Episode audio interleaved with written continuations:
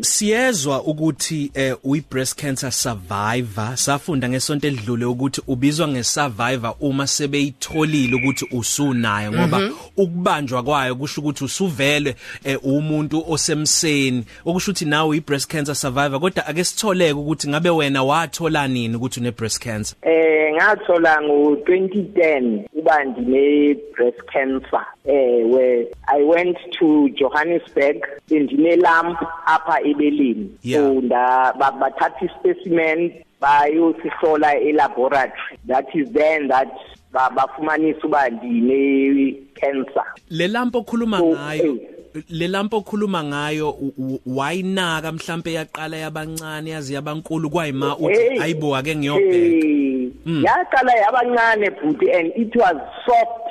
Bendingayikhathalelanga and bendingacinganga uba mhlawumbe ingayilampu e- enobungozi. Yebo. So ngizokothuka xa imane ikhula isondela apha ngasebeleni ngqo. Eh then ndaya kwagqirha ke. Ba- bafike ba- ba- bathi ke bakufaka kwi treatment enjani? Ndaqala i-chemotherapy Yeah. eBloemfontein e-National Hospital. Mm. ndenza i-four cycles of chemotherapy then ndayo-operathwa nge-2 zika-August 2010 after i-operation ndaya kwezinye i-cycle eziyi-four kwakhona eze-chemotherapy then mase ngiqede i-chemotherapy ndaqalisa i-radiation for six weeks.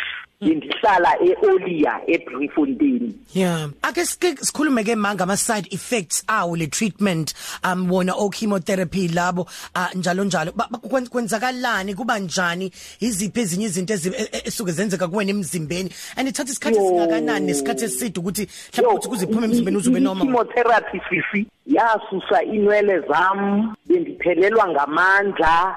Inzipho zimnyama ulwimi lumnyama. Uyayigalela lo chemotherapy then i-side effects zakhona zibonakala after 3 days. Uyigalele i- i-chemo iyagulisa sisi bendingayityi tu into enobisi ndingayityi nix into e- e- enamafutha because bezibuya.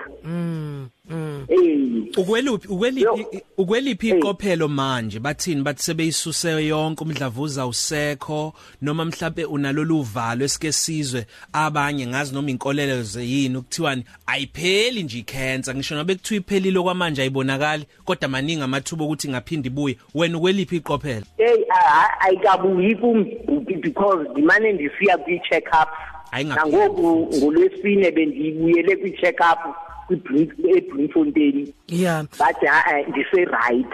Eh. Um eh, eh, eh, amathuba ke manje ukuthi ube nabantwana eh mangabe usu uyenzile ke le treatment oyenzayo akhona noma mhlambe kukhona la ekuthinteka khona mhlambe kuphazamiseka khona ukuthi ngiyokwazi ukuba nabantwana sesikhuluma nge treatment ke manje Ku- kudependa ngokuthi i- i- i- ifunyelwe ikwesiphi stage. I think e- e- e- eyona engaba nobungozi le i-cervical cancer. Mm mm Eh, Yeah. eh, otherwise at least i-breast cancer yona u- ungaba nabo abantwana uba usabafuna. All right. Mm. ku ku ku- ku ku- lo umuntu wesifazane noma mhlawumbe ubani ngoba nabesilisa nabo umuntu usanda ukuthola icancer njengamanje eh u- u- ungathini kuyena? Ngathi amamele yonke into azayixelelwa ngugqirha alandele imithetho kagqirha. Uba uthi ugqirha ngemini ethile buya for i- i-chemotherapy. Sulimisisha elo suku Yeah. because ungalimisisha maybe something can happen Yeah. engenza impilo yakho i- i- i- ibe sengozini yeah okay Mm. ma siyabonga kakhulu Eh. manje isikhathi sakho inkosi sisi sikufisela inhlanhla thank you na siyabonga kakhulu umama uMalibuheng wakamangwadi ke loyo oyi breast cancer survivor Top 3 Cafe.